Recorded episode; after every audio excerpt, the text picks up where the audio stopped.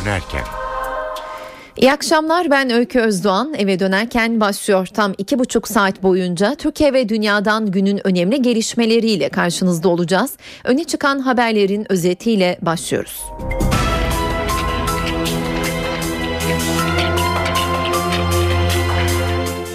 Milletvekillerinin iki buçuk aylık tatili son buldu. Türkiye Büyük Millet Meclisi yeni yasama yılı için kapılarını açtı. Açılışa Cumhurbaşkanı Abdullah Gül'ün mesajları damgasını vurdu.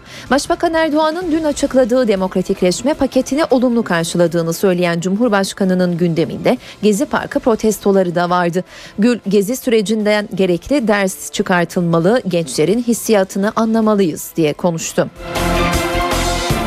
Muhalefet eleştirdi, Başbakan Erdoğan savundu. Başbakan demokratikleşme paketini bütün beklentilere cevap verebilecek şekilde yaptık. Ancak beklentilerin sonu hiçbir zaman gelmez diyerek tepkilere yanıt verdi. Erdoğan CHP seçim barajı %3'e düşsün önerisine de milletin nabzını tuttum ona göre paket getirdim diyerek kapıları kapattı. Suriye tezkeresi meclise gönderildi. Hükümete sınır ötesi operasyon yetkisi veren tezkerede kimyasal tehdide dikkat çekildi. Amerika Birleşik Devletleri'nde demokratlar ve cumhuriyetçiler anlaşamadığı bütçe tasarısı reddedildi. Obama yönetimi kepenkleri kapattı. 1 milyondan fazla memur ücretsiz izne çıkarılıyor. Federal hizmetler verilemiyor. Kış geldi, hava sıcaklığında ani düşüşler, fırtına ve yağmur bekleniyor. Meteoroloji editöründen hava durumunu aktaracağız.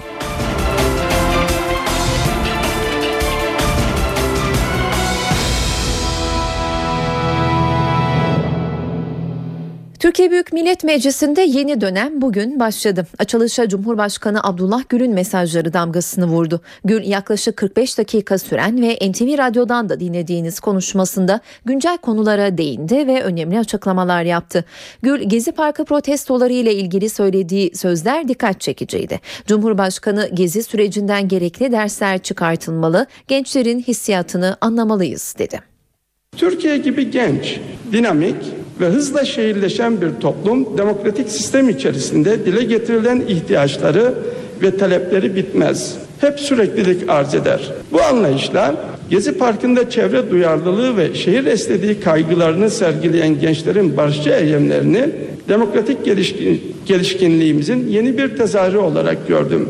Uzun yıllar yargısız infazlarla, işkenceyle ve vahim insan hakları ihlalleriyle anılmış olan ülkemizin bu kez gelişmiş demokrasilerdekilere benzer kaygı ve taleplerle gündeme gelmesinden çekinilecek bir husus yoktu. Bu nedenle gerek ben gerek hükümet yetkilileri iyi niyetli mesajların alındığını eylemlerin hemen ardından ifade ettik. Ne var ki bazı aşırı gruplar şiddet kullanarak ve vandalizm sergileyerek barışçı gösterileri istismar etme teşebbüsünde bulunmuşlardır.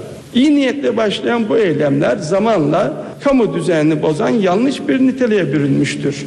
Neticede ülkemizin algısını zedeleyen talihsiz olaylar yaşanmış ve maalesef bu süreçte bir polis, altı vatandaşımız hayatını kaybetmiştir.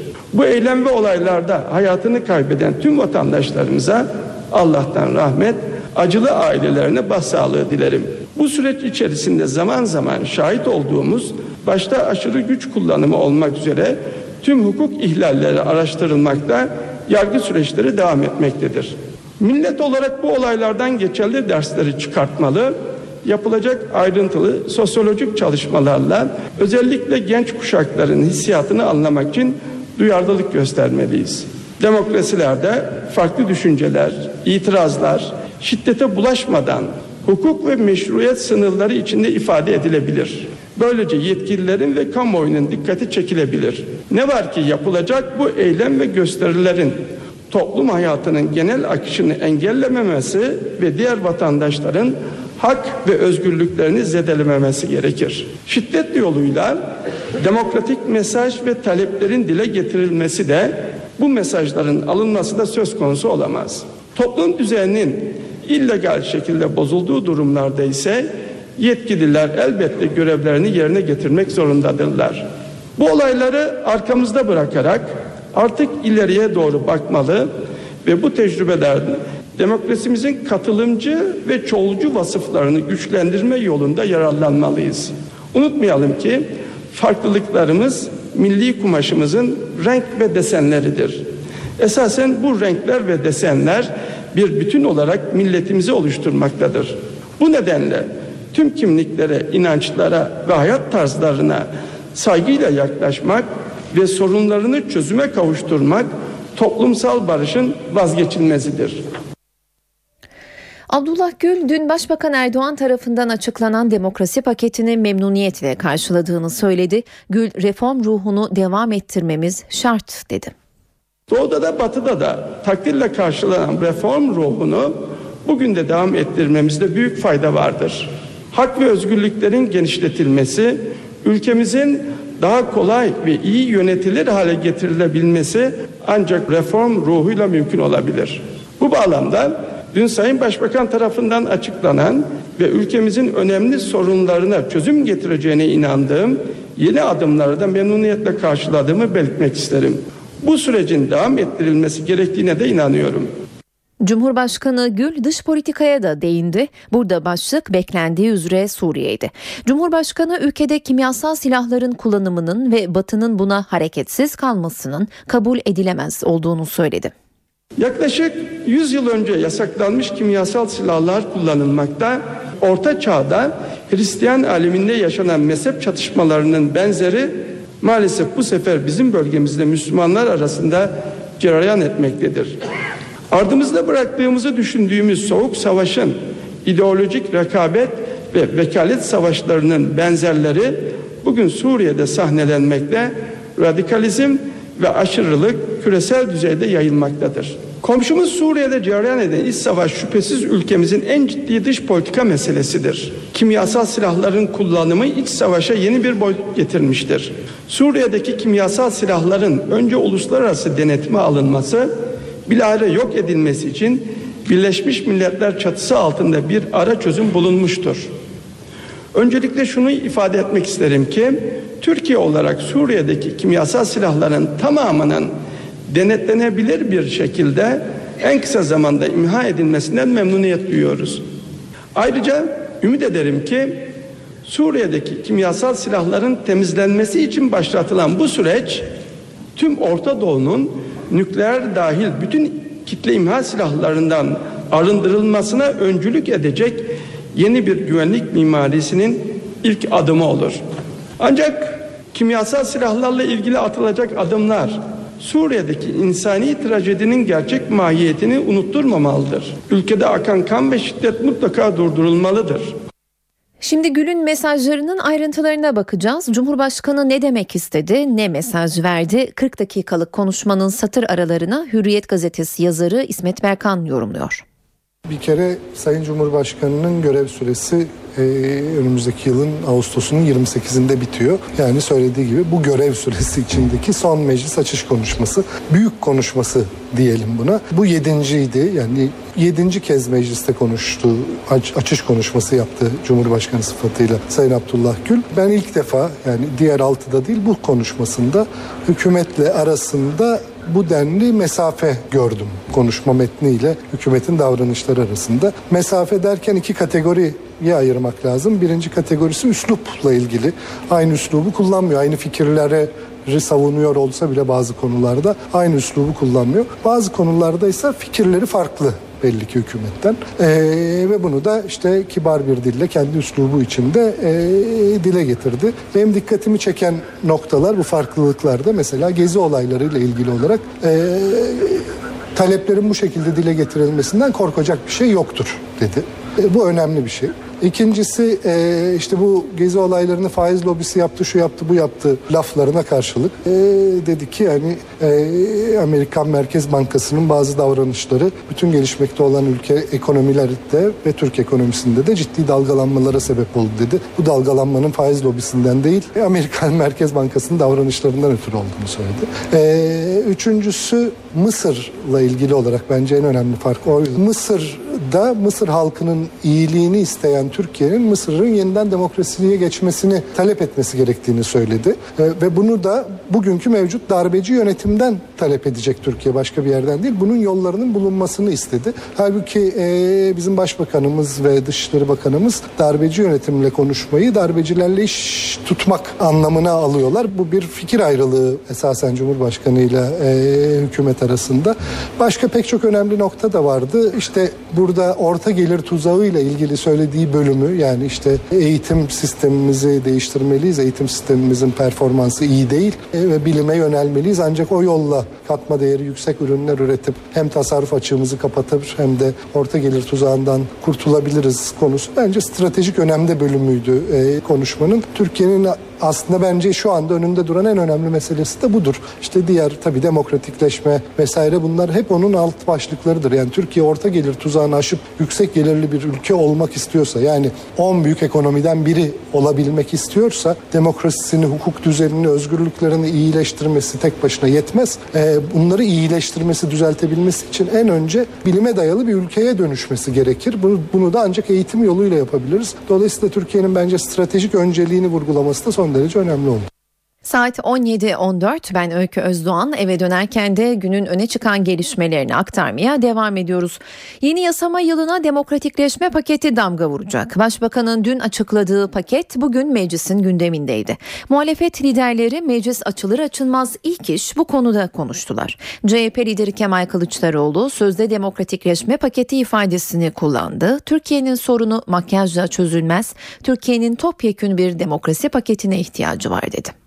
Bu sözde demokrasi paketi ile bu ilaca, bu yaraya, bu paket derman olur mu? Bu paket bu açığı kapatır mı? Bu paket bu açığı kapatmaz değerli arkadaşlarım. Sayın Başbakan'ın paketi açıklayış tavrına bakın. Salona girişine bakın. Kenan Evren nasıl açıklıyorsa aynı model üzerinden kendisi açıklıyor. Birisinin apoletleri var, diğerinin apoletleri yok. Bu paket katılımcılıktan, toplumsal uzlaşmadan ve şeffaflıktan uzak bir şekilde hazırlandı. Ayıp olan bu paketin adıyla demokrasiyi yan yana getirmektir. Türkiye'nin sorunları makyajla çözülmez. Türkiye'nin topyekün, bütüncül ve kapsamlı bir demokrasi paketine ihtiyaç var. MHP Genel Başkanı Devlet Bahçeli de meclisin yeni yasama yılının başladığı ilk gün parti grubunu topladı, demokratikleşme paketine yüklendi. Paketin Abdullah Öcalan ve PKK ile yürütülen pazarlıklar sonucu hazırlandığını iddia eden MHP lideri, pakette Türk milleti yoktur, meclis iradesi yoktur, milletimizin beklentisi asla yer almamıştır dedi. Sözde demokratikleşme paketi PKK dayatmalarının klasik, bildik ve ezberlenmiş bir yansımasıdır. Bu paket yapılan pazarlıkların sonucudur. Bu paket PKK'nın elinden İmralı canisinin tezgahından geçmiş, sözde akil insanlar heyetinin raporlarıyla harmanlanmıştır. Demokratikleşme paketinde Türk milleti yoktur. Türkiye Büyük Millet Meclisi iradesi yoktur. Milletimizin beklentisi asla yer almamıştır. Bu ihanet ve teslimiyet belgesinin patenti terörist başı ve kanlı terör örgütüdür. İmralı canisi dayatmış, başbakan sinmiştir. PKK tehdit etmiş, başbakan verdiği sözlerin gereğini yapmak zorunda kalmıştır. Bu paket özünde PKK'nın yıllardır beklediği hain isteklerin bir kısmıdır. Bu paketle birlikte bölücülük bir adım daha mesafe almış, özellik, federasyon, konfederasyon ve bağımsız Kürdistan amacına biraz daha yaklaşılmıştır.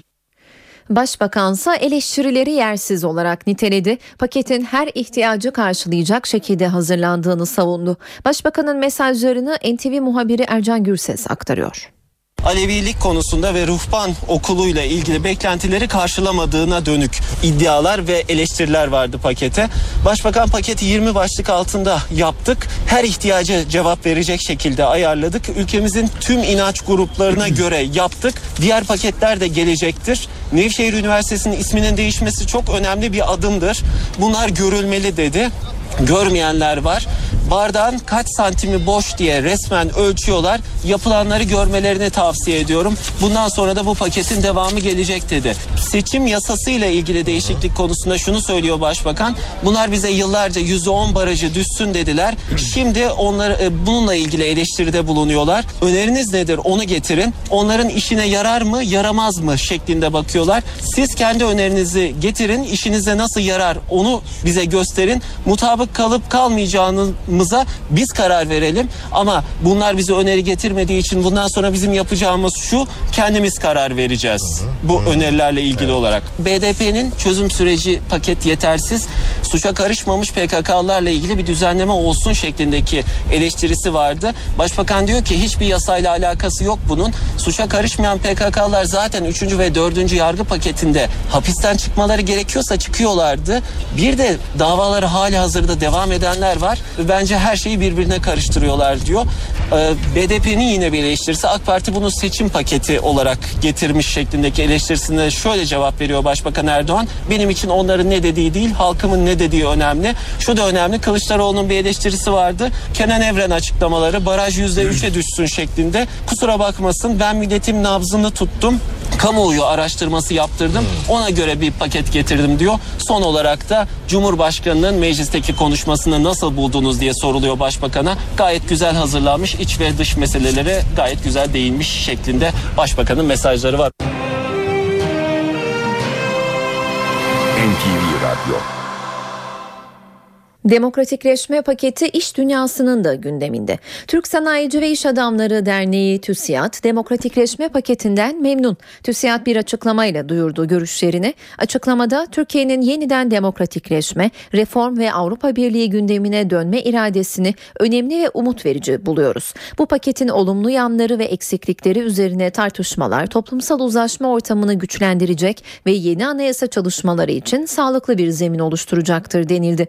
TÜSİAD seçim sistemi üzerinde özellikle durdu. %10 barajının değiştirilerek 2015 milletvekili genel seçimlerine yepyeni bir seçim sistemiyle gidilebilmesi, çoğulcu parlamenter rejimin güçlendirilmesi adına önemli bir adım olacaktır değerlendirmesinde bulundu. Demokratikleşme paketi dünya basınının da gündeminde dış basın en somut değişiklik olarak kamuda başörtüsü yasağının kalkmasını gösterdi. Kürtlere yönelik haklarınsa beklenenden zayıf kaldığını vurguladı.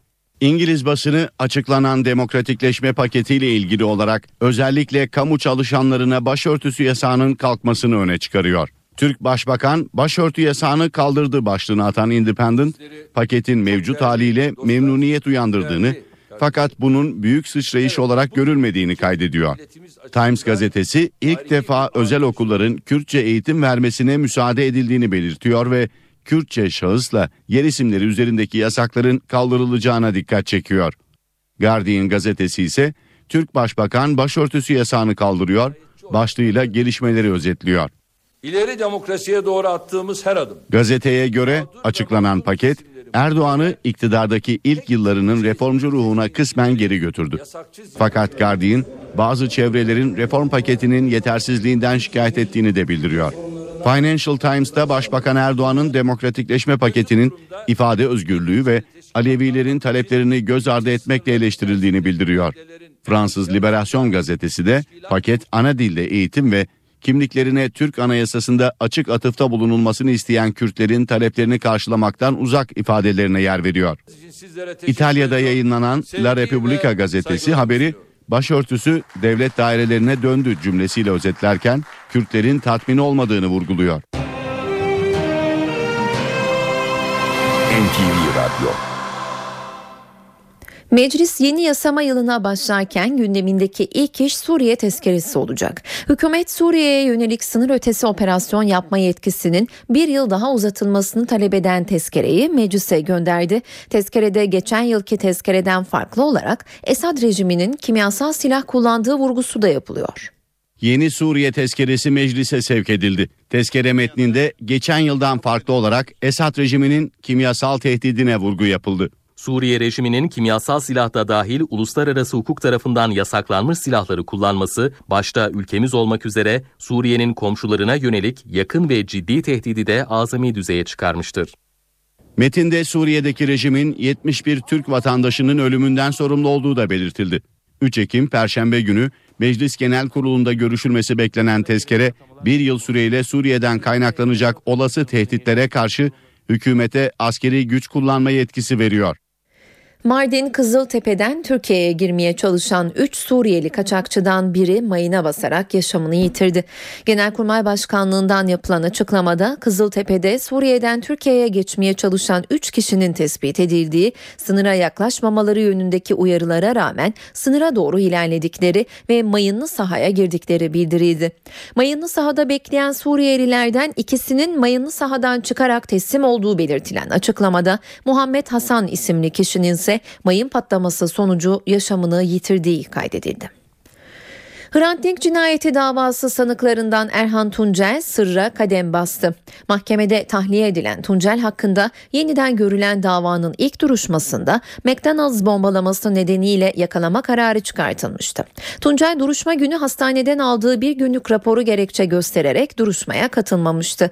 Terörle Mücadele Kanunu savcısı Muammer Aktaş Tuncel'in peşinde. Ancak savcının bulun getirin dediği Tuncel aradan geçen 14 günde bulunamadı. Hrant Dink'in öldürülmesiyle ilgili dava Yargıtay'ın bozma kararından sonra geçen ay yeniden görülmeye başlandı. İstanbul 14. Ağır Ceza Mahkemesi 14 gün önceki ilk duruşmada üzerine atılı suçların vasıf ve mahiyetlerinin aleyhine değişme ihtimali gerekçesiyle Erhan Tuncel hakkında yakalama kararı çıkartılmasına karar vermişti. Konuya ilişkin açıklama yapan Tuncel'in avukatı Erdoğan Soruklu teslim olmayı düşünüyor ama henüz teslim olmadı dedi.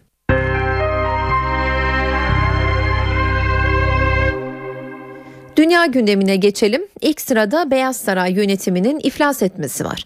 Amerika Birleşik Devletleri'nde kongredeki demokratlarla cumhuriyetçiler bütçe üzerinde uzlaşamadı. Amerikan hükümeti kepenk kapattı. 800 bin Amerikalı zorunlu olarak ücretsiz izne çıkarılıyor. Devlet daireleri bugünden itibaren kapalı.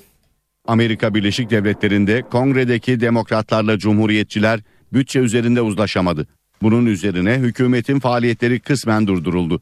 Acil olmayan tüm personel yani 800 bin memur zorunlu ücretsiz izne çıkarılıyor. On binlerce havalimanı çalışanı, gardiyan ve sınır kontrol görevlileri ise ücret alamadan çalışmaya devam edecek.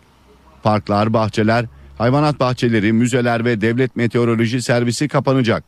Sosyal Güvenlik Kurumu'nun bazı bölümleri, vergi ve pasaport daireleri de kapalı olacak. Amerikan Ulusal Havacılık ve Uzay Dairesi NASA'da kapanacak kurumlar arasında. Ancak uluslararası uzay istasyonu ve Mars'taki robotla temaslar sürecek. Hükümetin kepenk kapatmasıyla Başkan Barack Obama askerlere maaşlarının ödenebilmesi için genelge imzaladı. Demokratlar Cumhuriyetçilere tepkili. Siyasi gündeminizi gerçekleştirmek için hükümetin kepenk kapatma tehdidini kullanamazsınız. İşler böyle yürümüyor. Buna sorumsuzluk denir. Amerika Birleşik Devletleri'nde daha önce hükümetin hizmetleri 1995'te yine Demokrat Partili Başkan Bill Clinton'ın birinci döneminde 21 gün boyunca askıya alınmıştı. Kurban Bayramı'na günler kala hayvan pazarları hareketlendi. Kurbanlıklar kamyonlarla büyük şehirlere getiriliyor. Fiyatlar net değil ama aşağı yukarı belli. Büyükbaş almayı düşünenler 5-6 bin lirayı gözden çıkarmalı. Son 5 tane, 10 tane, 20 tane kaldı. Ardahan günleri burada. İstanbul Beykoz'daki kurban kent. Büyükbaşlar kamyondan tek tek indiriliyor. Bir yandan da hazırlıklar sürüyor. Tek tek kamyonları indiriyorlar. Rampalarımızla sağlıklı bir şekilde çadırlara indiriyoruz. Çadıra inen her hayvan burada veteriner kontrolünden geçiyor. Vatandaşlarımız gönül rahatlığıyla hayvanlarını buradan satın alıp kurbanlarını kesebilirler. Hayvan pazarının en iyisi, en değerlisi. Rambo ismi. Adı Rambo. Rambo. Kaç kilo bu Rambo? Rambo 1 ton. 1 ton. 1 ton. Kaça bekliyor alıcısını? 10 liraya vereceğiz. 10 bin liraya. Daha fazla değeri de piyasaya göre 10 liraya vereceğiz. Ve diğerleri. En üstün hayvanımız 930 kilo geliyor 9500 lira. En ufak hayvanımız canlı kilosu 550 kilo geliyor. Kaça satıyorsunuz? 5000 lira diyoruz. Pazarlık falan. Pazarlığımız payımız işte son 4900. Büyükbaş piyasası şimdilik böyle. Kurban bayramı yaklaşırken önümüzdeki günlerde küçük başlar da gelecek. Almanya'da devam eden neonazi davasında ortaya yeni bir tanık çıktı. Bu tanığın verdiği ifade davanın en önemli sanığı Beate Zschäpe'nin 8 Türk'ün de öldürüldüğü cinayetlerde daha fazla rol oynamış olabileceğine işaret ediyor. Almanya'daki neonazi davasının 40. duruşması yapıldı. Son duruşmada ifade veren yeni tanık davanın bir numaralı sanığı Beate Çepe'yi zor duruma soktu. Bu tanığın ifadesiyle ÇHP'nin 8'i Türk 10 kişinin öldürülmesine sanılandan daha fazla karışmış olabileceği ihtimali belirdi. Veronika adlı tanık 2006 yılının Nisan ayında ÇHP'yi Dortmund kentinde bir bahçede aşırı sağcı Nasyonel Sosyalist Yeraltı Örgütü'nün ölen iki üyesiyle birlikte gördüğünü söyledi. 63 yaşındaki tanık bu kişilerin yanında aşırı sağcı bir kişiyi daha gördüğünü anlattı. ÇHP ile göz göze geldim. Gözünü kaçırmadı. Yanındakilere bir şeyler söyledi diyen tanık sanığı gördüğünden emin olduğunu belirtti. Neo-Naziler arasındaki bu görüşmeden kısa bir süre sonra da Mehmet Kubaşık öldürülmüştü. 38 yaşındaki ÇHP cinayetleri işleyen aşırı sağcı Nasyonel Sosyalist Yeraltı Örgütü üyesi olmak ve delilleri yok etmekle suçlanıyor. Saatler 17.34'ü gösteriyor. Eve dönerken de günün öne çıkan gelişmeleriyle yeniden karşınızdayız. Sayın Öcalan yasağı Avrupa İnsan Hakları Mahkemesi'ne takıldı. Avrupa İnsan Hakları Mahkemesi içinde Sayın Öcalan ibaresi yer alan bir mektup kaleme aldıkları için hapis ve para cezasına mahkum edilen 19 davacının açtığı davada Ankara'nın Avrupa İnsan Hakları Sözleşmesi'nin ifade özgürlüğüyle ilgili maddesini ihlal ettiğine hükmetti. Kararın ayrıntılarını NTV Strasbourg muhabiri Kayhan Karaca'dan alacağız. Kayhan seni dinliyoruz.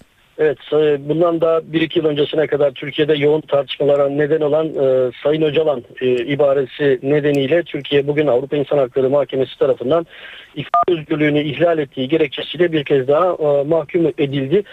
E, davanın e, geçmişine bakacak olursak geçmişi 2008 yılına dayanıyor. 2008 yılında e, tam olarak 18 Temmuz 2008 tarihinde Şanlıurfa'da e, 19 kişi Halfeti Cumhuriyet Savcılığına başvurarak e, e, üzerinde ben de Sayın Öcalan, e, Sayın Abdullah Öcalan diyor ve kendimi ihbar ediyorum e, şeklinde e, birer dilekçe vermişlerdi Cumhuriyet Savcılığına. İşte bu e, dilekçeler e, nedeniyle Türk Ceza Kanunu'nun 53 ve 215. maddeleri e, temelinde hepsi 2 ay 15 gün hapis cezasına mahkum edilmişlerdi. E, 2009 yılında Avrupa İnsan Hakları Mahkemesi gündemine taşındı bu e, mahkumiyet kararı Türk mahkemeleri tarafından verilen ve davacılar e, Avrupa İnsan Hakları Mahkemesi'ne yaptıkları başvurularda e, Sayın Öcalan e, şeklinde bir ifa, ibare kullandıkları için mahkum edildiklerini ve bu mahkumiyet kararının Avrupa İnsan Hakları Mahkemesi'nin ifade özgürlüğü e, Avrupa İnsan Hakları Sözleşmesi'nin ifade özgürlüğü ile ilgili maddesine aykırı olduğu tezini savunmuşlardı.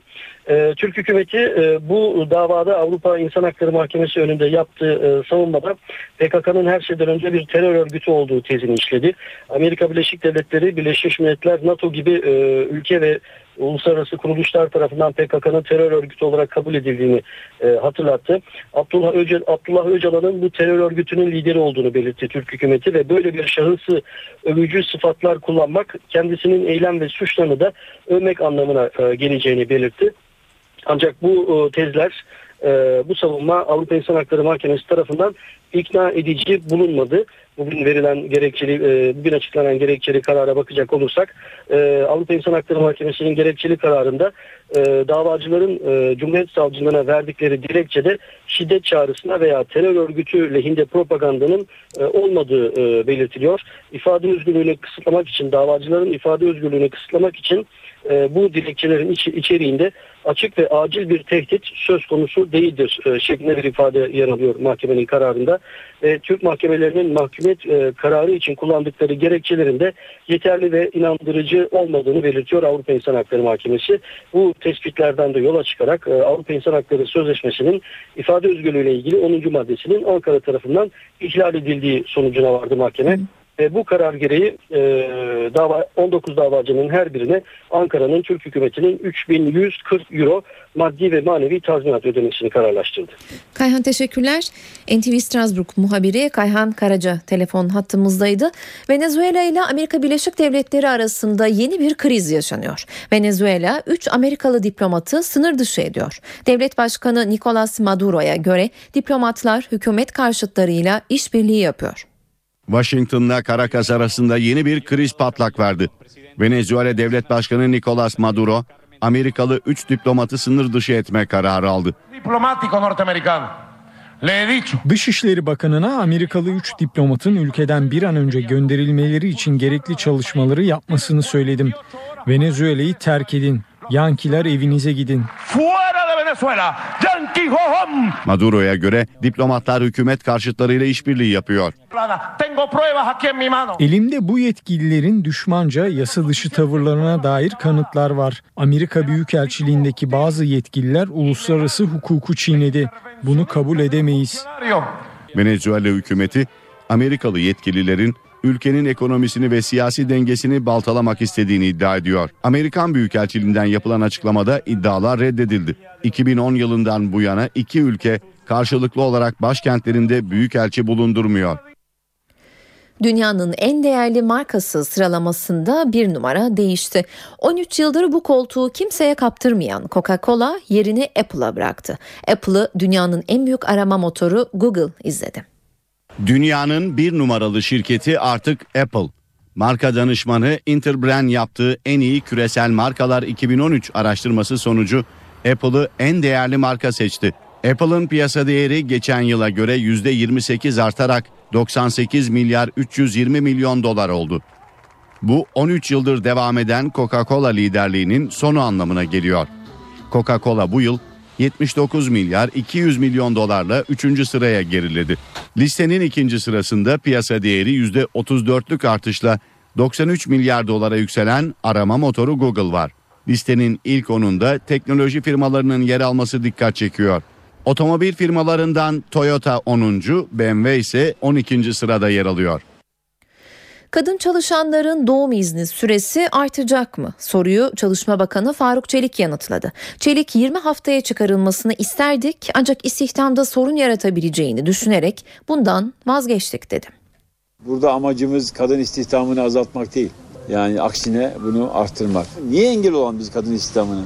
Zaafa uğratacak bir iş içerisinde olan böyle bir şey söz konusu değil. Her açıdan hem genç bir nüfus hem annenin istihdamda bulunması, kadının istihdam içinde yerini daha fazla alması konusunda bu düzenleme ciddi katkı sağlayacak. Şu anda zaten 16 hafta olarak uygulanıyor bu e, doğum izinleri. Bu 18 haftaya çıkarılma durumu konuşuluyor, talep ediliyor. 18 hafta e, çünkü 20 hafta diyenler ağırlıklı o görüşten vazgeçtiler.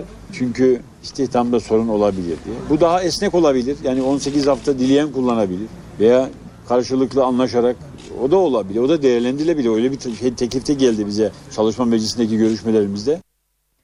Sırada ekonomi notları var. Para ve sermaye piyasalarındaki gelişmeleri CNBC'den Enis Şenerdem'den alacağız. Enis seni dinliyoruz. İyi akşamlar. Beklenen oldu ve Amerika'da hükümetin ek harcama paketine onay çıkmadı. Amerika'da kamu hizmetleri felç olurken 800 bin kamu çalışanı da ücretsiz izne gönderildi.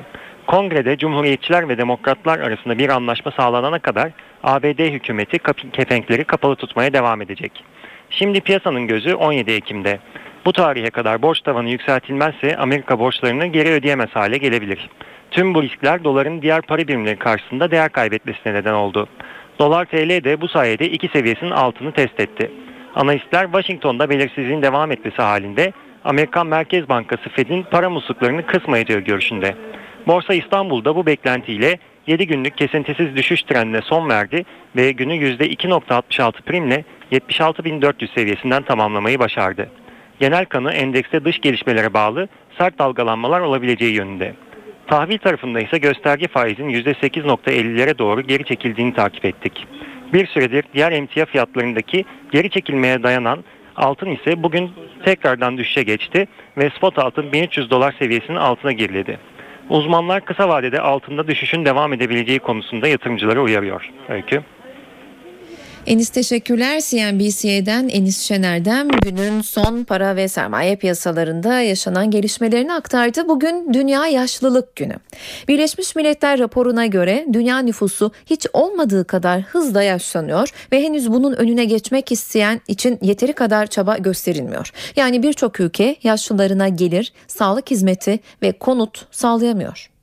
Nüfus hızla yaşlanıyor ve dünya buna hazır değil. Birleşmiş Milletler Nüfus Fonu ve Helpage International adlı yardım kuruluşunun 91 ülkede yaptığı araştırma bu sonucu ortaya koydu. Rapora göre dünya nüfusu hiç olmadığı kadar hızlı yaşlanıyor ancak ülkeler bu durumla mücadele etmek için yeterli çabayı göstermiyor. Birçok ülke yaşlılarına gelir, sağlık hizmeti konut sağlayamıyor. Birleşmiş Milletler 2050 yılına kadar tarihte ilk kez 60 yaş üstü nüfusun 15 yaş altı nüfustan fazla olacağını belirtiyor.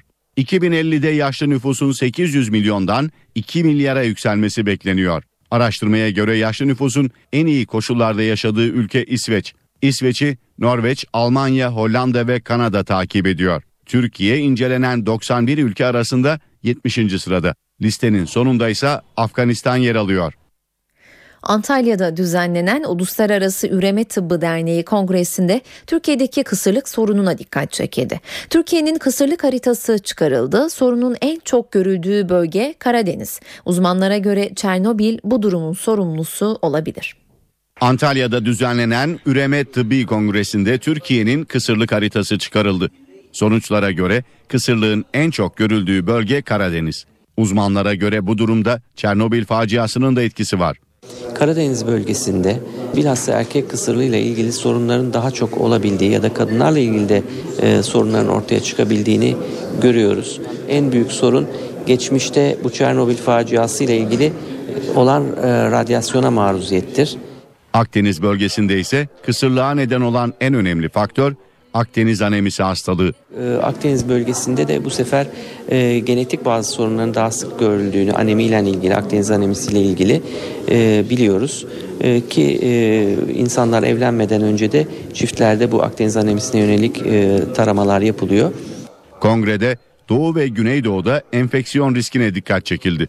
Ki sosyoekonomik e, koşulları düşük olan bölgelerimizde enfeksiyon hastalıklarına bağlı olarak yine e, tüplerde ya da erkeklerde sperm yollarında bazı sıkıntıların ortaya çıkabildiğini biliyoruz.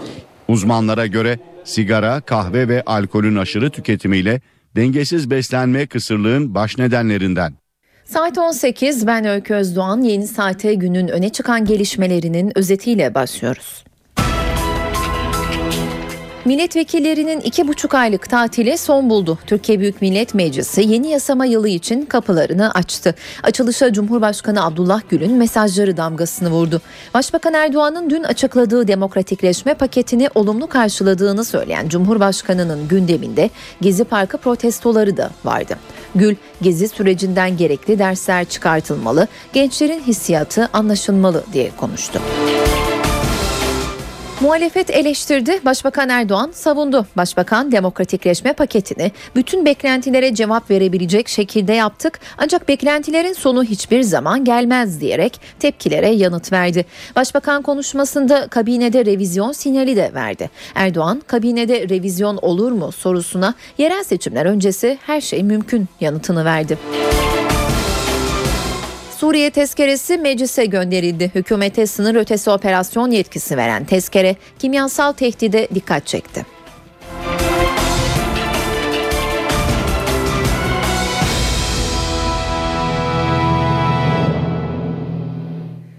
Türkiye Büyük Millet Meclisi'nde yeni yasama yılı başladı. Yeni dönemin açılış konuşmasını Cumhurbaşkanı Abdullah Gül yaptı ve ilk güne Gül'ün mesajları damgasını vurdu.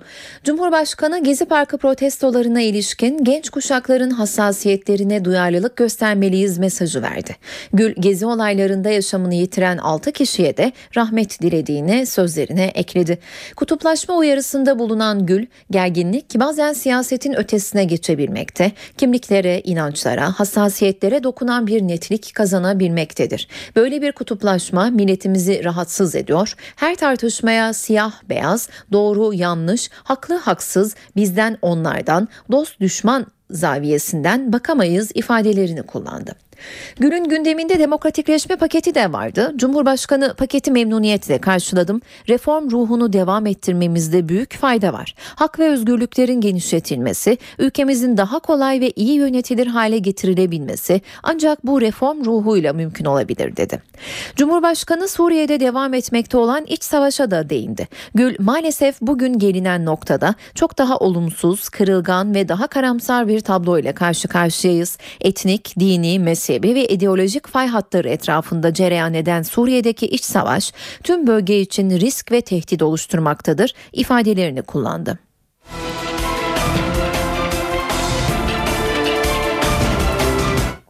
Sıcak bir gelişmeyi aktaralım hemen. 28 Şubat davasında 8 sanığa tahliye kararı çıktı. Tahliye edilenler arasında eski jandarma komutanı Fevzi Türkeri de bulunuyor. Bu gelişmeye ilişkin ayrıntıları az sonra aktaracağız. Yeni yasama yılına demokratikleşme paketi damga vuracak. Başbakanın dün açıkladığı paket bugün meclisin gündemindeydi. Muhalefet liderleri meclis açılır açılmaz ilk iş bu konuda konuştular. CHP lideri Kemal Kılıçdaroğlu sözde demokratikleşme paketi ifadesini kullandı. Türkiye'nin sorunu makyajla çözülmez. Türkiye'nin topyekün bir demokrasi paketine ihtiyacı var dedi.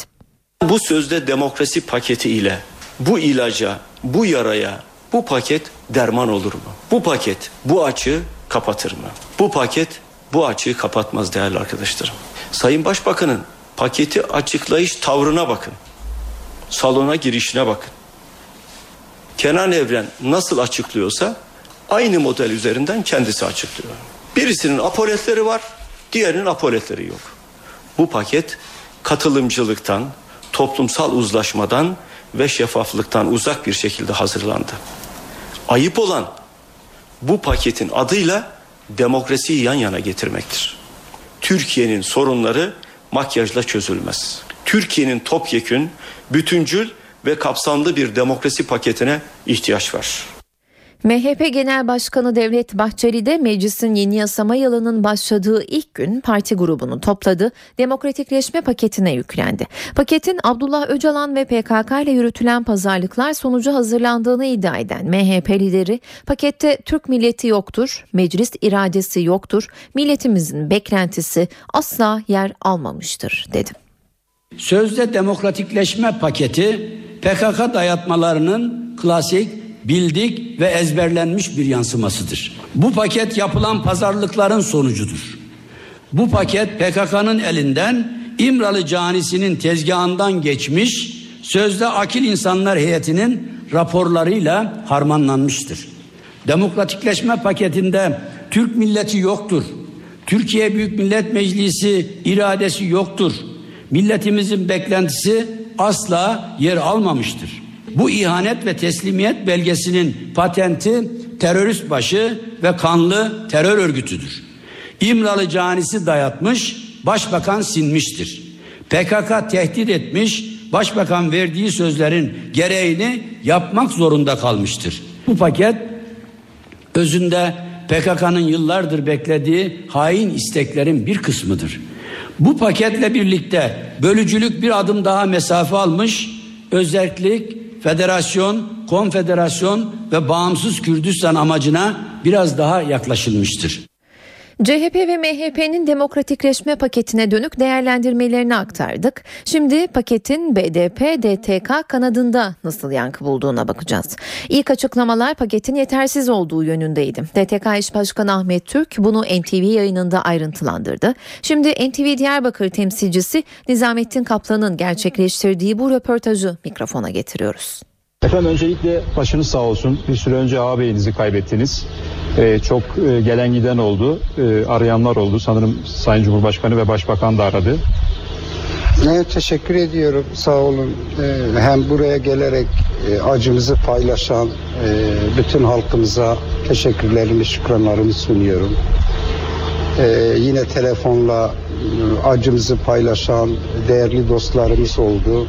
Sayın Cumhurbaşkanımız, Sayın Meclis Başkanımız, Sayın Başbakan, ana muhalefet partisi lideri Sayın Kılıçdaroğlu, milletvekili arkadaşlarımız, grup başkan vekillerimiz ve olabildikçe e, Kuzey Irak'ta, Kürdistan'da da arayan siyasi parti liderleri, başbakan hepsi aradılar. Kendilerine çok teşekkür ediyorum bu fırsatı verdiğiniz için. E, tabii ki e, Türkiye'nin kilitlendiği bir nokta vardı. Demokratikleşme paketiyle ilgili ne olacak? Halkın beklentilerine yanıt veren bir paket miydi, değil miydi? Bunun tartışması günlerce yapılıyor. Ve burada her gün binlerce insan geliyor. Yani dürüstçe söylemek gerekir ki AKP'liden tutun CHP'liden, kanaat önderlerinden, sivil toplum örgütlerinden Herkesin ortak bir fikri var. Paket boş çıktı. Paket Kürt sorunun çözümünü sağlayacak bir paket değil. Paket demokratikleşmenin önünü açacak bir paket değil. Paket sadece ve sadece zaman kazanmaya yönelik bir paket ve gerçekten Türkiye'nin demokratikleşmesine katkı sunmayan bir paket. Yani birkaç tane, üç tane Kürtçe harfin ilave edilmesiyle sorunun çözüleceği gibi bir mantık aslında e, gerçekten bu mantık bırakın paketle ilgili umutları umutsuzluğu yaratan ve burada bir öfkeye dönüştüren bir anlayışın yattığını görüyor. Şimdi pakete bir bütün baktığımızda aslında temenniler bile pakette yer almış. Baraj sistemi nasıl olacak? Dar bölge sistemi mi olacak? Bunlar dahi pakette ne olacağı belli değil. İşte bu şekilde. Oysa ki paket böyle hazırlanmaz. Paket yapılması gerekenler. Karar verilenlerin ortaya çıkarılmasıdır. O yok. Şimdi tabii ki burada türban konusunda belli bir şey var. Çok dürüstçe söylemek lazım ki biz ben 1991 yılında İnsan Hakları Komisyonu Başkanı iken birçok arkadaşımız biliyor. Okullarda okuyan öğrencilere sahip çıktık. Ve gerçekten gruplar halinde insanlar geliyordu. Üniversitelerle her gün kavga ediyordu. Hatta bir gün bir üniversiteden geldi oranın dekanı. İşte Ahmet Bey siz nasıl SHP'lisiniz? Bu türbanları bu kadar savunuyorsunuz. Mustafa Kemal'in kemikleri sızlıyor diye şey yaptı. Kendisini kovdum oradan.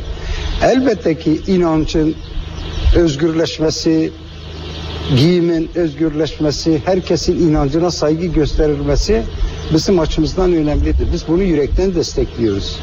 Ama Türkiye'nin çok önemli bir sorunu var.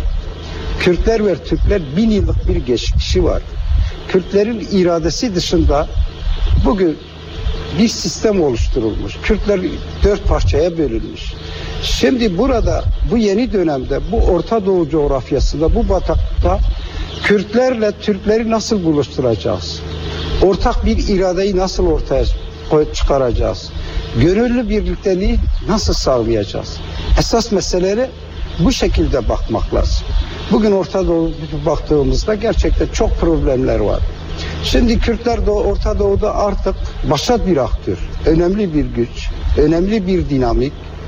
E şimdi Kürtleri karşısına alarak Kürtlerin taleplerini görmemezlikten gelerek veya Kürtlerin iradesi tanımadan siz ne Orta Doğu'da demokratik bir sistemin gelişmesine katkı sunabilirsiniz ne de Türkiye'nin demokratikleşmesinin önünü açarsınız. Efendim pakette e, daha çok daha çok ki e, ana dilde eğitim, e, uzun tutukluk süreleri ve sanırım terörle mücadele kanunuyla evet, yani ilgili. Tabii ki yani biz burada e, bir başlangıç olarak terörle mücadele kanununun değiştirilmesi gerekiyor dedik. Bugün fikirlerinden, düşüncelerinden dolayı binlerce arkadaşlarımız, partilimiz içeride.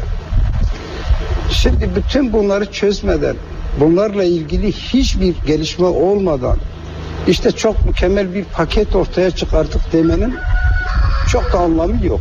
Şimdi binlerce insan tutuklu olacak. Bütün partili arkadaşlarımız içeride olacak. Fikir ve düşüncelerini söyledikleri için bugün yıllardan beri içeride. Ve bugün içerideki arkadaşlarımın hepsinin elinde bir bıçak evinde bulunmamış. Sadece fikirlerini, düşüncelerini ortaya koyduğu için, kimliklerine sahip çıktığı için, kendi özgür geleceklerine sahip çıktıkları için içerideler. E şimdi siz bir tarafta silahlar sussun diyor, demokratik zeminde insanlar siyaset yapsın diyorsunuz. Diğer tarafta demokratik siyaseti yine Kürtlere kapatıyorsunuz. Kürt siyasetçilerini içeride tutarak, yine Kürtlerin önünde yüzde on barajını koyarak, Kürt dilinin üzerindeki engellerin, yasakların kaldırılmasını sürdürerek siz nasıl Türkiye'nin demokratikleşmesine ve Kürtlerle Türklerin gönüllü birlikteliğini sağlarsınız.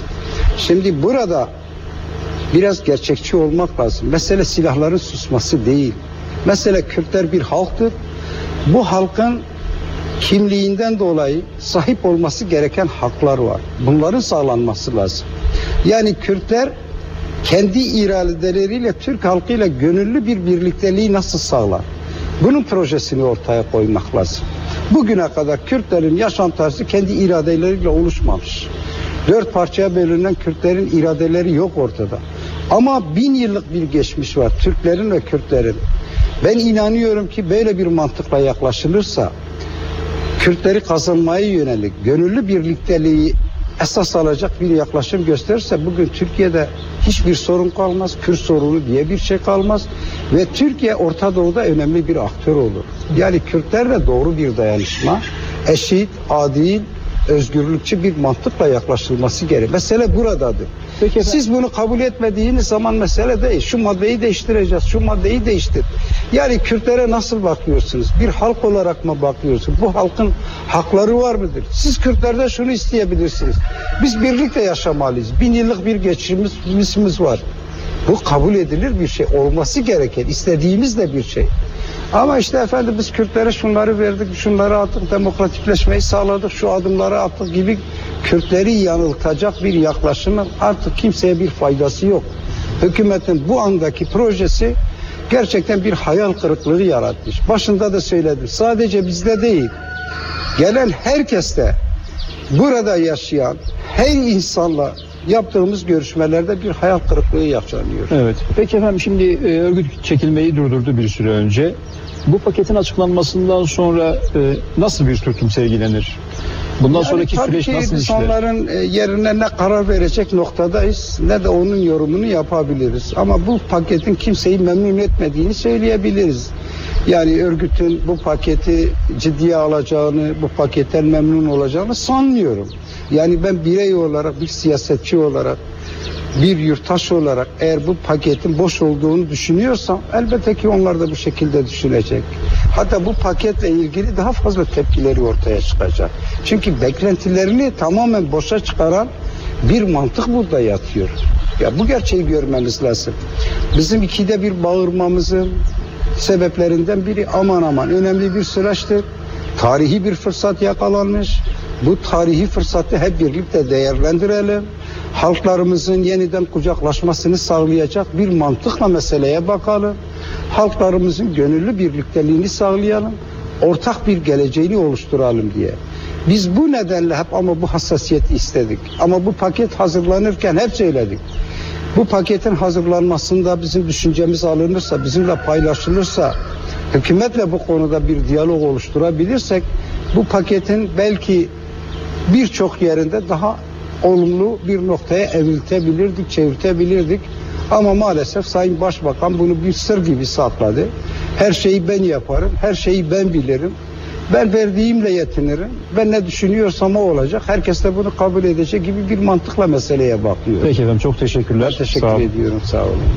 Evet çözüm e, demokratikleşme paketi ve çözüm sürecini DTK eş başkanı Ahmet Türk'le birlikte kendisinin Mardin'in Kızıltepe ilçesine bağlı Kazırı Kanco'da görüştük. Başbakan Erdoğan demokratikleşme paketine yönelik eleştirileri yorumladı. Erdoğan CHP lideri Kemal Kılıçdaroğlu'nun seçim barajını %3'e indirelim önerisine demokratikleşme paketinde seçim sistemiyle ilgili önerileri milletin nabzını tutarak oluşturduk yanıtını verdi. Başbakan paketi eleştirenlerin bardağında boş tarafına baktıklarını söyledi. Erdoğan BDP'nin pakette suça karışmayan PKK'lılarla ilgili bir düzenleme olmamasına yönelik tepkisi içinde suça bulaşmamış olanlar için 3 ve 4. yargı paketi var. Bazılarının da yargı süreci devam ediyor dedi.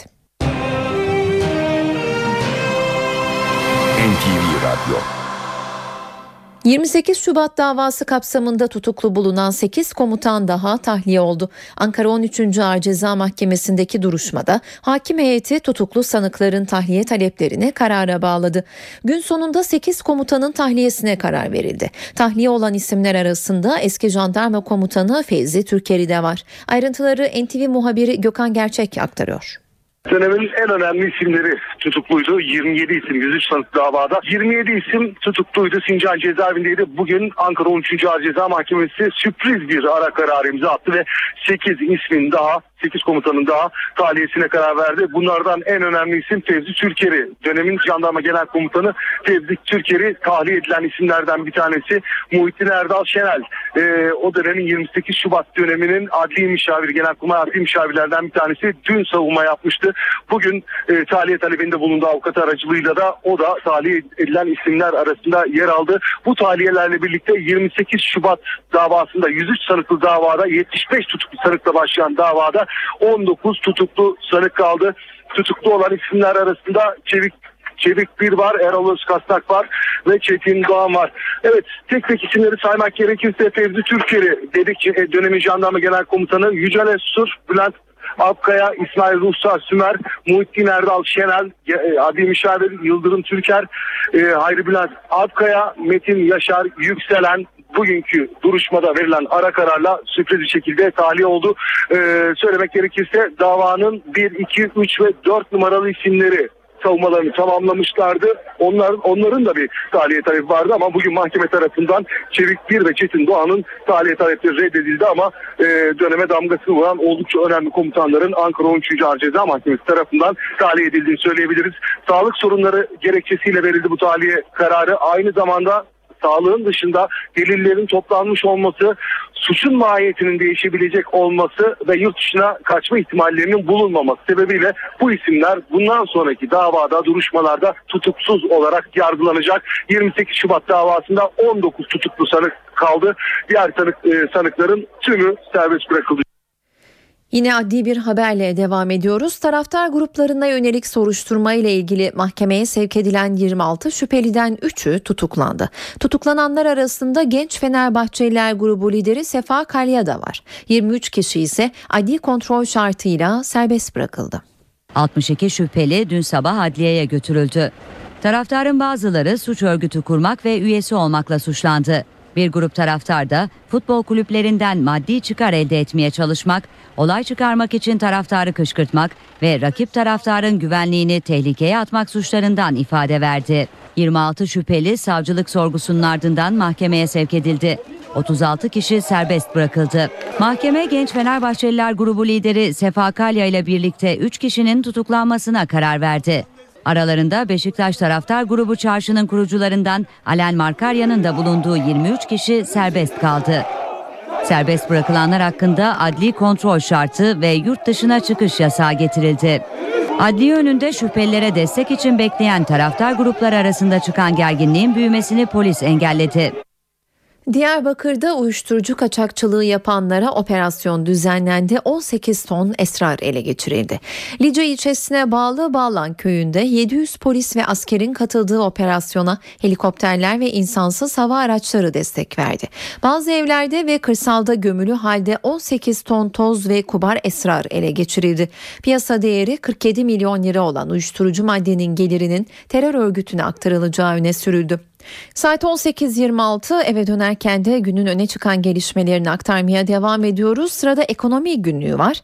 Türkiye İhracatçılar Meclisi bugün ihracat ve ithala, ima, im, im, İthalata ilişkin rakamları yayınladı. İlk başlık buydu.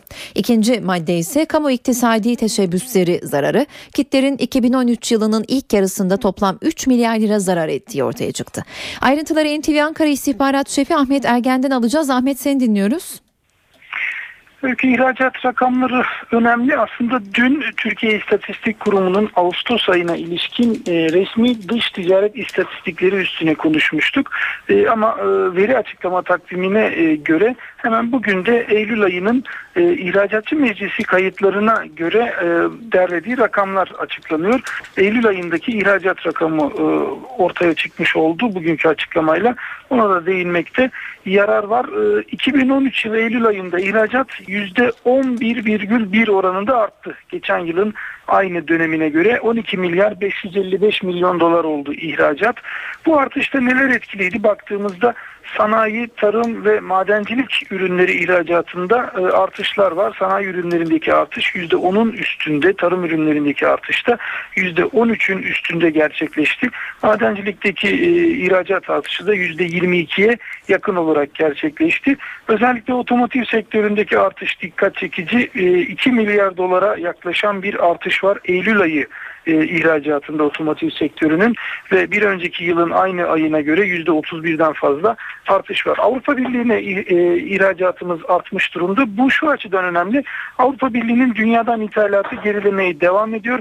Ancak Türkiye'nin Avrupa Birliği'ne ihracatı artıyor. Bu da önümüzdeki dönemde özellikle Avrupa Birliği ülkelerinde yaşanacak bir iyileşmenin Türkiye'ye daha yüksek ölçüde e, yansıyacağının işaretleri yine Orta Doğu ülkelerine son dönemde düşüş olduğu nedeniyle haberlere söz konusu olan Orta Doğu ülkelerine ihracatta Eylül'de %7,3 oranında arttı. 2 milyar 365 milyon dolar oldu. Ancak bu tabloya rağmen Türkiye'de e, Türkiye'nin ihracatını zorlayan küresel gelişmeler var. Ekonomi yönetiminin de dikkat çektiği nokta bu ve Ekonomi Bakanı Zafer Çağlayan'ın açıklamasına göre yılın kalan aylarında şimdiye kadarki performanstan daha zor bir dönem e, ihracat açısından Türkiye'yi bekliyor ve orta vadeli programda yer alan 158 milyar dolarlık hedefe ulaşılması bugünden bakıldığında biraz zor gibi görünüyor. Bu rakamın revize edilmesi söz konusu olabilecek önümüzdeki hafta başında açıklanması beklenen yeni orta vadeli programda. Diğer başlığımıza gelirsek e, kamu iktisadi teşebbüslerinin görev zararları neden e, bu ay e, itibariyle konuşma e, ihtiyacı e, gereksinimi doğdu bu başlıkta bunu aktaralım. 30 Eylül itibariyle veriler güncellendi ve son 13 yılın görev zararı açısından en yüksek rakamları ortaya çıktı. Bu yılın ilk e, 6 ayında e, kamu iktisadi teşebbüslerinin görev zararı 3 milyar 236 milyon liraya ulaştı. E, bunlar içinden e, tahsil edilen sadece 150 milyon liralık bir bölüm oldu ve yılın ikinci yarısına devreden bölüm 3 milyar 86 milyon. E, en çok görev zararı veren kuruluş Türkiye Kömür İşletmeleri 1 milyar 689 milyon. Devlet Demir Yolları ve Toprak Mahsulleri Ofisi de diğer e, yüksek görev zararı veren kurumlar olarak öne çıktı öykü. Ahmet teşekkürler. NTV Ankara İstihbarat Şefi Ahmet Ergen telefon hattımızdaydı. Dünya gündemine geçelim. İlk sırada Beyaz Saray yönetiminin iflas etmesi var. Amerika Birleşik Devletleri'nde kongredeki demokratlarla cumhuriyetçiler bütçe üzerinde uzlaşamadı. Amerikan hükümeti kepenk kapattı. 800 bin Amerikalı zorunlu olarak ücretsiz izne çıkarılıyor. Devlet daireleri bugünden itibaren kapalı. Amerika Birleşik Devletleri'nde kongredeki demokratlarla cumhuriyetçiler bütçe üzerinde uzlaşamadı. Bunun üzerine hükümetin faaliyetleri kısmen durduruldu. Acil olmayan tüm personel yani 800 bin memur zorunlu ücretsiz izne çıkarılıyor. On binlerce havalimanı çalışanı, gardiyan ve sınır kontrol görevlileri ise ücret alamadan çalışmaya devam edecek. Parklar, bahçeler, hayvanat bahçeleri, müzeler ve devlet meteoroloji servisi kapanacak. Sosyal Güvenlik Kurumu'nun bazı bölümleri, vergi ve pasaport daireleri de kapalı olacak. Amerikan Ulusal Havacılık ve Uzay Dairesi NASA'da kapanacak kurumlar arasında. Ancak uluslararası uzay istasyonu ve Mars'taki robotla temaslar sürecek. Hükümetin kepenk kapatmasıyla Başkan Barack Obama askerlere maaşlarının ödenebilmesi için genelge imzaladı. Demokratlar Cumhuriyetçilere tepkili. Siyasi gündeminizi gerçekleştirmek için hükümetin kepenk kapatma tehdidini kullanamazsınız. İşler böyle yürümüyor. Buna sorumsuzluk denir. Amerika Birleşik Devletleri'nde daha önce hükümetin hizmetleri 1995'te yine Demokrat Partili Başkan Bill Clinton'ın birinci döneminde 21 gün boyunca askıya alınmıştı. Kurban Bayramı'na günler kala hayvan pazarları hareketlendi. Kurbanlıklar kamyonlarla büyük şehirlere getiriliyor. Fiyatlar net değil ama aşağı yukarı belli. Büyükbaş almayı düşünenler 5-6 bin lirayı gözden çıkarmalı. Son 5 tane, 10 tane, 20 tane kaldı. Ardahan günleri burada. İstanbul Beykoz'daki kurban kent. Büyükbaşlar kamyondan tek tek indiriliyor. Bir yandan da hazırlıklar sürüyor. Tek tek kamyonları indiriyorlar. Rampalarımızla sağlıklı bir şekilde çadırlara indiriyoruz. Çadıra inen her hayvan burada veteriner kontrolünden geçiyor. Vatandaşlarımız gönül rahatlığıyla hayvanlarını buradan satın alıp kurbanlarını kesebilirler. Hayvan pazarının en irisi, en değerlisi. Rambo ismi. Adı Rambo. Rambo. Kaç kilo bu Rambo? Rambo 1 ton. 1 ton. 1 ton. Kaça bekliyor alıcısını? 10 liraya vereceğiz. 10 bin liraya. Daha fazla değeri de piyasaya göre 10 liraya vereceğiz. Ve diğerleri. En üstün hayvanımız 930 kilo geliyor 9500 lira. En ufak hayvanımız canlı kilosu 550 kilo geliyor Kaça satıyorsunuz? 5000 lira diyoruz. Pazarlık falan. Pazarlığımız payımız işte son 4900. Büyükbaş piyasası şimdilik böyle. Kurban Bayramı yaklaşırken önümüzdeki günlerde küçük başlar da gelecek. İstanbul Riva'da denizden kum çıkaran Anafarta adlı kum kosteri karaya oturdu. Riva Küperi Taşburnu önlerinde olan Anafarta adlı koster kepçenin takılması sonucu su alarak batmaya başladı. Gemi kaptanı telsizde yardım istedi. Kaza yerine hemen kurtarma ekipleri sevk edildi. 12 kişilik mürettebat kıyı emniyeti ekiplerince kurtarıldı. Batmakta olan gemi kaptan tarafından Küperi Taşburnu yakınında karaya oturtuldu. Sivas'ta düşen askeri uçağın enkazı Ankara ve Malatya'dan giden askeri heyet tarafından incelemeye alındı. Patlayıcı ve bomba imha uzmanları enkazın olduğu alanı kontrol etti. Geniş bir alana dağılan tehlikeli uçak parçaları emniyetli bölgeye taşındı. Yapılacak inceleme sonucu uçağın düşüş nedeni ortaya çıkacak. Uçaktan paraşütle atlayan iki pilot yaralı kurtulmuştu. NTV Radyo Arap Baharı'nın yaşandığı Orta Doğu'da harita yeniden çizilebilir ve 5 devletten 14 yeni devlet çıkabilir. İddia deneyimli dış politika analisti Robin Wright'a ait. New York Times gazetesinde haritalı bir analiz yayınlayan Wright, Suriye, Irak, Suudi Arabistan, Libya ve Yemen'in bölüneceğini öne sürdü. Amerikalı gazeteciye göre bu 5 ülkeden tam 14 devlet çıkabilir ve gelecekte en büyük parçalanmayı Suudi Arabistan yaşayacak. Suudi Arabistan şu andaki sınırlarının orta bölümünde yer alacak. Ülkede yönetim gelecekte prenslere geçtikçe kabile ayrımları derinleşecek. Kuzey, Güney, Doğu ve Batı Arabistan doğacak. Yaklaşık iki buçuk yıldır çatışmaların yaşandığı Suriye'nin yanı sıra Irak'ta üçe bölünecek. Suriye'nin Akdeniz kıyısında bir Alevi devleti oluşacak. Suriye'nin kuzeyi ile Kuzey Irak'ta bir Kürdistan devleti kurulacak. Libya'da parçalanmadan kurtulamayacak. Venezuela ile Amerika Birleşik Devletleri arasında yeni bir kriz yaşanıyor. Venezuela 3 Amerikalı diplomatı sınır dışı ediyor. Devlet Başkanı Nicolas Maduro'ya göre diplomatlar hükümet karşıtlarıyla işbirliği yapıyor. Washington'la Caracas arasında yeni bir kriz patlak verdi. Venezuela Devlet Başkanı Nicolas Maduro, Amerikalı 3 diplomatı sınır dışı etme kararı aldı. Diplomático norteamericano. Le he dicho. Dışişleri Bakanı'na Amerikalı 3 diplomatın ülkeden bir an önce gönderilmeleri için gerekli çalışmaları yapmasını söyledim. Venezuela'yı terk edin. Yankiler evinize gidin. Fuera de Venezuela. Yankee ho hom. Maduro'ya göre diplomatlar hükümet karşıtlarıyla işbirliği yapıyor. Elimde bu yetkililerin düşmanca yasa dışı tavırlarına dair kanıtlar var. Amerika Büyükelçiliğindeki bazı yetkililer uluslararası hukuku çiğnedi. Bunu kabul edemeyiz. Venezuela hükümeti Amerikalı yetkililerin ülkenin ekonomisini ve siyasi dengesini baltalamak istediğini iddia ediyor. Amerikan Büyükelçiliğinden yapılan açıklamada iddialar reddedildi. 2010 yılından bu yana iki ülke karşılıklı olarak başkentlerinde büyükelçi bulundurmuyor. Saat 18.41 ben Öykü Özdoğan eve dönerken de günün öne çıkan gelişmeleriyle yeniden karşınızdayız. Sırada hava durumu var.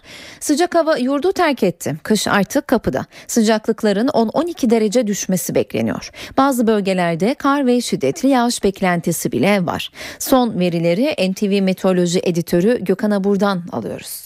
İyi akşamlar. Bu gece saatlerinde Karayel'le Trakya'dan başlayarak sıcaklıklar azalıyor. Yarın Marmara ve Batı Karadeniz'de haftanın ikinci yarısı ise yurt genelinde sıcaklıkların hissedilir derecede azalmasını bekliyoruz. Bu gece Marmara'da yağışlar da kuvvetleniyor. Yarın Güneydoğu ve Doğu Anadolu'nun doğusu dışında yağış var. Trakya'da yağışlar hafiflerken Karadeniz ve İç Anadolu'nun doğusuna daha kuvvetli olmak üzere yurdun büyük çoğunluğunda sağanaklar görülecek. Perşembe günü Trakya, Ege, Batı Akdeniz ve İç Anadolu'nun batısına yağışlar etkisini giderek kaybederken Doğu Karadeniz'e daha kuvvetli olmak üzere Marmara'nın doğusu, Karadeniz'in tamamı, İç Anadolu'nun doğusu ve Doğu Anadolu'daki yağışlar devam edecek. Kuzeydeki yağışların yer yer kuvvetli olmak üzere Cuma günü etkisini sürdürmesini bekliyoruz. Evet İstanbul'da bu gece yağış kuvvetleniyor. Rüzgar oldukça kuvvetli. Yarın hava soğuyacak ve sıcaklık yarın en fazla 17 derece olacak. Haftanın ikinci yarısı daha da soğumasını bekliyoruz. Ankara'da yarın sağanak yağmur var soğuk ve sıcaklık 17 derece olacak. İzmir'de yağmur bu gece boyunca kuvvetli olarak devam edecek ve sıcaklık gündüz 22, gece ise 13 derece olacak. Hepinize iyi akşamlar diliyorum. Hoşçakalın. Şimdi de günün öne çıkan spor gelişmelerini dinleyelim.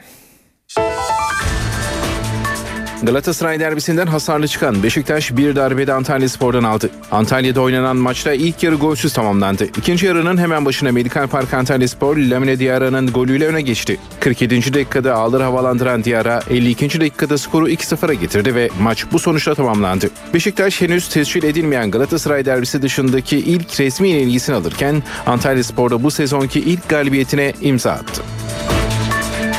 Dün oynanan maçlarla Spor Toto Süper Lig'de 6. hafta karşılaşmaları tamamlanmış oldu. Alınan sonuçlar ve oluşan puan durumu şöyle. Bursa Spor 0, Akhisar Belediyespor 0, Galatasaray 1, Çaykur Rizespor 1, Gaziantep Spor 3, Kardemir Karabük Spor 0, Trabzonspor 2, Torku Konyaspor 0, Elazığ Spor 2, Sivas Spor 4, Kasımpaşa 0, Eskişehir Spor 2, Gençler Birliği 0, Fenerbahçe 1, Medikal Park Antalya Spor 2, Beşiktaş 0 ve Kayseri Erciyesspor 1, Kayseri Spor 1. Puan durumu ise şöyle. Fenerbahçe 6 hafta sonunda 15 puanla lider durumda. Çaykur Rizespor 13 puanla ikincilikte. Beşiktaş maç eksiğiyle 12 puanla üçüncülükte bulunuyor. 6 karşılaşma sonunda 12 puana sahip Trabzonspor ise dördüncülükte. 10 puana sahip takımlardan Akhisar Belediye 5. Eskişehirspor 6.lıkta. 9 puana sahip Sivasspor 7. Kasımpaşa 8. ligde yer alırken Karabükspor 8 puanla 9.lukta yer alıyor. 7 puana sahip Galatasaray 10. Elazığspor 11. sırada. 6 puana sahip takımlardan Medikal Park Antalya Spor 12. Kayseri Erciyesspor 13. Torku Konyaspor ise 14. sırada. 5 puana sahip Kayserispor 15. Bursaspor 16. sırada. Ligin son sırasında ise 4 puana sahip Gençler Birliği ve Gaziantepspor yer alıyor. Galatasaray'da Roberto Mancini dönemi resmen başladı. Sarı Kırmızılılarla 3 yıllık sözleşme imzalayan İtalyan teknik adam ilk antrenmanına da çıktı. Galatasaray 3 yıllık sözleşme imzaladığı Roberto Mancini'ye bu süre için 12 milyon 500 bin euro garanti ücret ödeyecek. Ancak sözleşmede bonuslarla ilgili maddeler dikkat çekti. İşte ayrıntılar. Galatasaray yeni teknik direktör Roberto Mancini ile 3 yıllık sözleşme imzaladı. İtalyan teknik adamın alacağı ücretler de bir yazıyla borsaya bildirildi. Buna göre Mancini 2013-2014 sezonu için 3,5 milyon euro, 2014-2015 ve 2015-2016 sezonlarının her biri için 4,5 milyon euro olmak üzere toplam 12 milyon 500 bin euro garanti para alacak. İmzalanan sözleşmede Mancini'nin alacağı bonusların çokluğu dikkat çekti. İşte o bonuslar. Süper Lig şampiyonluğu 2013-2014 için 1 milyon 250 bin euro. 2014-2015 ve 2015-2016 için 1 milyon euro. Türkiye Kupası şampiyonluğu 500 bin euro. Şampiyonlar Ligi çeyrek final 350 bin euro, yarı final 500 bin euro, final 1 milyon euro, kazanılan kupa 2 milyon 500 bin euro. UEFA Avrupa Ligi final 300 bin euro, kazanılan kupa 1 milyon 150 bin euro. UEFA Süper Kupa şampiyonluk 500 bin euro. FIFA Kulüpler Dünya Kupası şampiyonluk 300 bin euro. Fenerbahçe artık daha golcü. Sarı lacivertliler teknik direktör Ersun Yanal yönetiminde ilk 6 haftada sergilediği performansa geçen sezonun üzerine çıktı. Fenerbahçe'de Ersun Yanal etkisi kendini gösterdi. Ligin ilk 6 haftasını 5 galibiyetle geçen ve zirveye kurulan Sarı lacivertli ekip geçtiğimiz sezonla karşılaştırıldığında da istatistiksel olarak çok daha başarılı bir performansa imza attı. Lige Torku Konyaspor yenilgisiyle başlayan ancak ard arda 5 galibiyete imza atarak 15 puanlık müthiş bir grafik çizen Ersun Yanal'ın Fenerbahçesi Aykut Kocamanlı Fenerbahçe'yi de gerisinde bıraktı. Kocaman'ın Fenerbahçesi geçtiğimiz yıl ilk 6 haftalık bölümde 2 galibiyet 3 beraberlik ve 1 mağlubiyetle 9 puan toplamıştı. Yanal'ın Sarı Kanaryası Kocaman'ın takımını gol yollarında da solladı. Fenerbahçe geçen sezon 6 haftada 6 gol atıp kalesinde 4 gol görmüştü. Ersun Yanal'ın Fenerbahçesi ise 6 maçlık periyotta kaydettiği 16 golle ligin en golcü ekibi olurken kalesinde 7 gole izin verdi.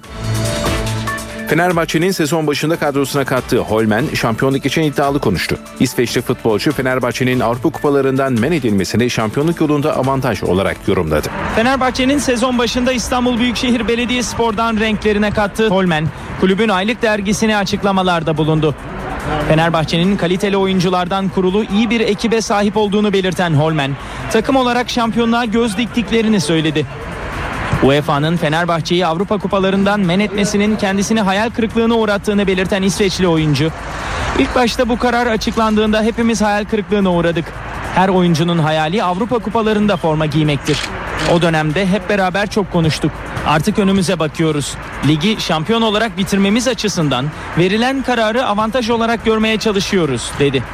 Süper Lig'de oynanan futboldan övgüyle bahseden Holmen, Türk futbolunu fizik ve tekniğin bir karışımı olarak gördüğünü söyledi. Trabzonspor Başkanı İbrahim Hacı Osmanoğlu, Türkiye Futbol Federasyonu Tahkim Kurulu Başkanı Engin Tuzcuoğlu ile görüştü. Federasyonun İstinye'deki merkezine gerçekleşen görüşmenin ardından Hacı Osmanoğlu açıklamalarda bulundu. Hacı Osmanoğlu, kulüplerimizin aldığı ceza yanında ülkemizin de ceza almaması için bu sorunları kendi bünyemize çözmemiz lazım. Amacımız UEFA'ya bağlı bir federasyon olarak aradaki çelişkinin kalkmasını ve adaletin tecelli etmesini sağlamak dedi. Trabzonspor Başkanı İbrahim Hacı Osmanoğlu, UEFA ve FIFA'ya başvuracaklarını açıkladı. Hacı Osmanoğlu, Profesyonel Futbol Disiplin Kurulu Başkanı ile görüşeceğini de sözlerine ekledi. Kayseri Spor'a Jaja'dan kötü haber geldi. Sol üst adalesinden sakatlanan Brezilyalı oyuncu 4-6 hafta sahalardan uzak kalacak. Sarı Kırmızılı takımın geçen hafta Trabzonspor'la oynadığı maçta sakatlanan Brezilyalı oyuncunun sol üst baldırında yırtık olduğu ortaya çıktı. Tedavisine başlanan deneyimli orta saha oyuncusunun en az bir ay forma giyemeyeceği ifade edildi. Kayseri Spor'un Metalist Karkiv'den kiraladığı Jaja, Spor Toto Süper Lig'de bu sezon forma giydiği 3 maçta 2 gol atmıştı. Kayseri Spor'da Bobo, Zuraf ve Sim içinde sakatlıkları sürüyor. Taraftar gruplarına yönelik soruşturmayla ilgili mahkemeye sevk edilen 26 şüpheli hakim karşısına çıktı. Mahkeme 3 kişinin tutuklanmasına karar verdi. 26 şüpheli dün Çağlayan'daki İstanbul Adalet Sarayı'na götürüldü. Hakim karşısına çıkan ve cinayeti azmettirmek, örgüt kurmak, yönetmek ve üye olmak, sporda şiddet yasasına muhalefet etmekle suçlanan 3 kişi tutuklanırken 23 kişi haklarında yurt dışına çıkış yasağı getirilerek serbest bırakıldı. İstanbul başta olmak üzere 4 ilde düzenlenen operasyonda yaklaşık 80 kişi gözaltına alınmış. Bazı şüpheliler savcılık talimatıyla serbest bırakılırken adliyeye getirilen 62 kişiden 36'sı sorguları tamamlandıktan sonra serbest bırakılmıştı. Şampiyonlar Ligi'nde ikinci hafta maçları bu akşam başlıyor. İkinci haftanın görünümünü getiriyoruz şimdi. Barcelona Teknik Direktörü Gerardo Martino takımın başına geçtiği günden bu yana oyuncularını ekonomik kullanmaya çalışıyor. Sık sık rotasyona giden Martino'nun bu planı ise Messi'nin Almeria karşılaşmasında sakatlanmasıyla alt üst oldu. Baldırından sakatlanan Arjantin yıldızın sahalardan 3 hafta uzak kalacağı belirtildi. Messi'den yoksun bir şekilde Celtic deplasmanına çıkacak Barcelona, geçtiğimiz sezon mağlup olduğu İskoç rakibine bir kez daha aynı şansı tanımak istemiyor. Şampiyonlar Ligi H grubundaki diğer maçsa Avrupa'daki parlak mazisini arayan Ajax'la Milan'ın kapışmasına sahne olacak. Kupa 1'i toplamda 11 kez kazanan iki ekip Amsterdam Arena'da kozlarını paylaşacak. Grubun ilk maçında Barcelona'ya 4-0 mağlup olan Ajax bu ağır mağlubiyetin yaralarını Milan karşısında sarmak istiyor. Ligde istikrarsız bir görüntü çizen Milan'da El Şerabi son antrenmanda sakatlandı ve sahalardan en az bir ay uzak kalacağı açıklandı. Gecenin en çok ilgi çeken maçlarından biri F grubunda Arsenal'la Napoli arasında oynanacak. Mesut Özil önderliğinde bambaşka bir kimliğe bürünen ve ardarda galibiyetleri hanesine yazdıran Londra ekibi Walcott, Cazorla ve Podolski gibi yıldız oyuncuların yokluğunda Napoli'yi de mağlup etmek amacında. Arsenal menajeri Arsene Wenger, Napoli'de Hamşik, Higuain, Insigne ve Callejon gibi hızlı oyuncuların varlığına dikkat çekerek özellikle kontrataklara dikkat etmeleri gerektiğini belirtti. Arsenal'la Napoli sezon öncesi Galatasaray'ın da katıldığı Emirates Cup'ta karşı karşıya gelmiş ve mücadele 2-2'lik eşitlikle sona ermişti. F grubunda diğer maçsa Almanya'da Borussia Dortmund'la Marsilya arasında oynanacak. Dortmund'da kırmızı kart cezalısı kaleci Weidenfeller bu mücadelede görev alamayacak. Teknik direktör Jürgen Klopp da cezası nedeniyle karşılaşmayı tribünden takip edecek. Arda Turan'ın formasını giydiği Atletico Madrid G grubunda Porto'ya konuk oluyor. Hafta sonu derbide Real Madrid'i mağlup ederek 13 yıl sonra deplasmanda kazanan Atletico son derece moralli. Ancak takımın en formda oyuncusu Diego Costa cezası nedeniyle Porto maçında yok. Seyircisi önünde galip gelerek puanını 6'ya çıkarmak isteyen Portekiz ekibinde ise Defur cezası nedeniyle zorlu maçta yer almayacak. Grubun diğer karşılaşması Zenit Avusturya Wien arasında St. Petersburg'da oynanacak. E grubunda Mourinho'nun çalıştırdığı Chelsea Steaua Bükreş deplasmanına konuk oluyor. İlk maçında Basel'e karşı sürpriz bir yenilgi alan, ligde de istediği sonuçları alamayan Londra ekibi rakibini yenip moral toplamak istiyor. E grubunun diğer karşılaşması ise Basel ile Schalke 04 arasında İsviçre'de oynanacak. Hemen hatırlatalım Arsenal'la Napoli arasında oynanacak Devler Ligi karşılaşmasını bu akşam 21.45'ten itibaren NTV'den naklen izleyebileceksiniz. Eve dönerken günün kültür sanat etkinliklerinden önerilerle tamamlıyoruz. Ben Öykü Özdoğan. Yarın akşam aynı saatte karşınızda olacağız. Şimdilik hoşçakalın.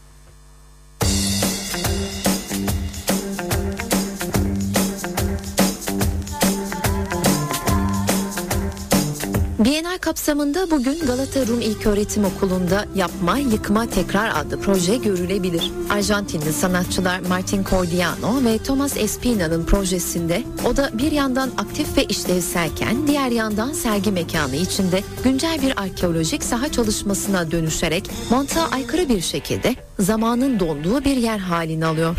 Sanatçılar eserlerini içine girebileceğiniz bir oda diye tanımlıyor. Arjantinli sanatçılar projeleri için dışarıdan baktığınızda hatta içine girseniz de dikkatli incelemediğinizde sıradan bir evin içinde açık mutfak, yemek masası, kütüphane ve oturma alanı olan bir odası gibi görünüyor. Halbuki bu odadaki bütün eşyaları kırıp tekrar yapıştırarak eski haline dönüştürmeye çalıştık. Her şeyin normal gibi görünmesi bu eşyaların tekrar kullanılabileceği ya da odada tekrar yaşanılabileceği anlamına gelmiyor diyor.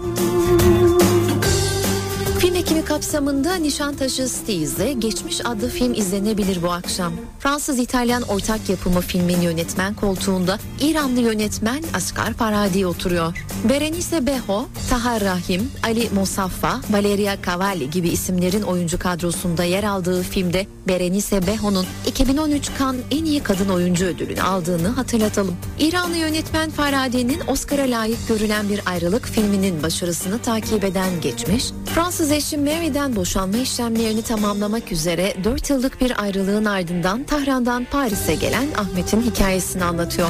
Mary'nin niyeti eski eşinin hayaline bile katlanamayan yeni sevgilisi Samir'le evlenmektir. Ahmet Mary'nin önceki beraberliğinden olan kızı Lucy ile ilişkisinin sıkıntılı olduğunu fark edince aralarını bulmaya çalışır fakat böylece geçmişten gelen sırlar açığa çıkmış olur.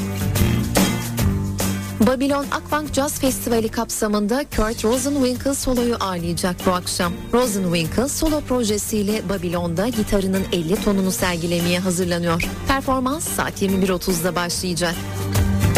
Sabancı Üniversitesi Gösteri Merkezi'nde de Teoman konseri dinlenebilir bugün. Sanatçı sevilen şarkılarıyla saat 20'de sahnede olacak. Bu akşam evdeyseniz CNBC'de Airplane adlı film görünebilir. Robert Hayes, Julia Haggerty ve Leslie Nielsen'ın başrollerinde olduğu film saat 22'de başlıyor. Öncesinde ise saat 21'de Dallas ekranda olacak. Star TV'de de saat 20'de O Ses Türkiye ekrana gelecek.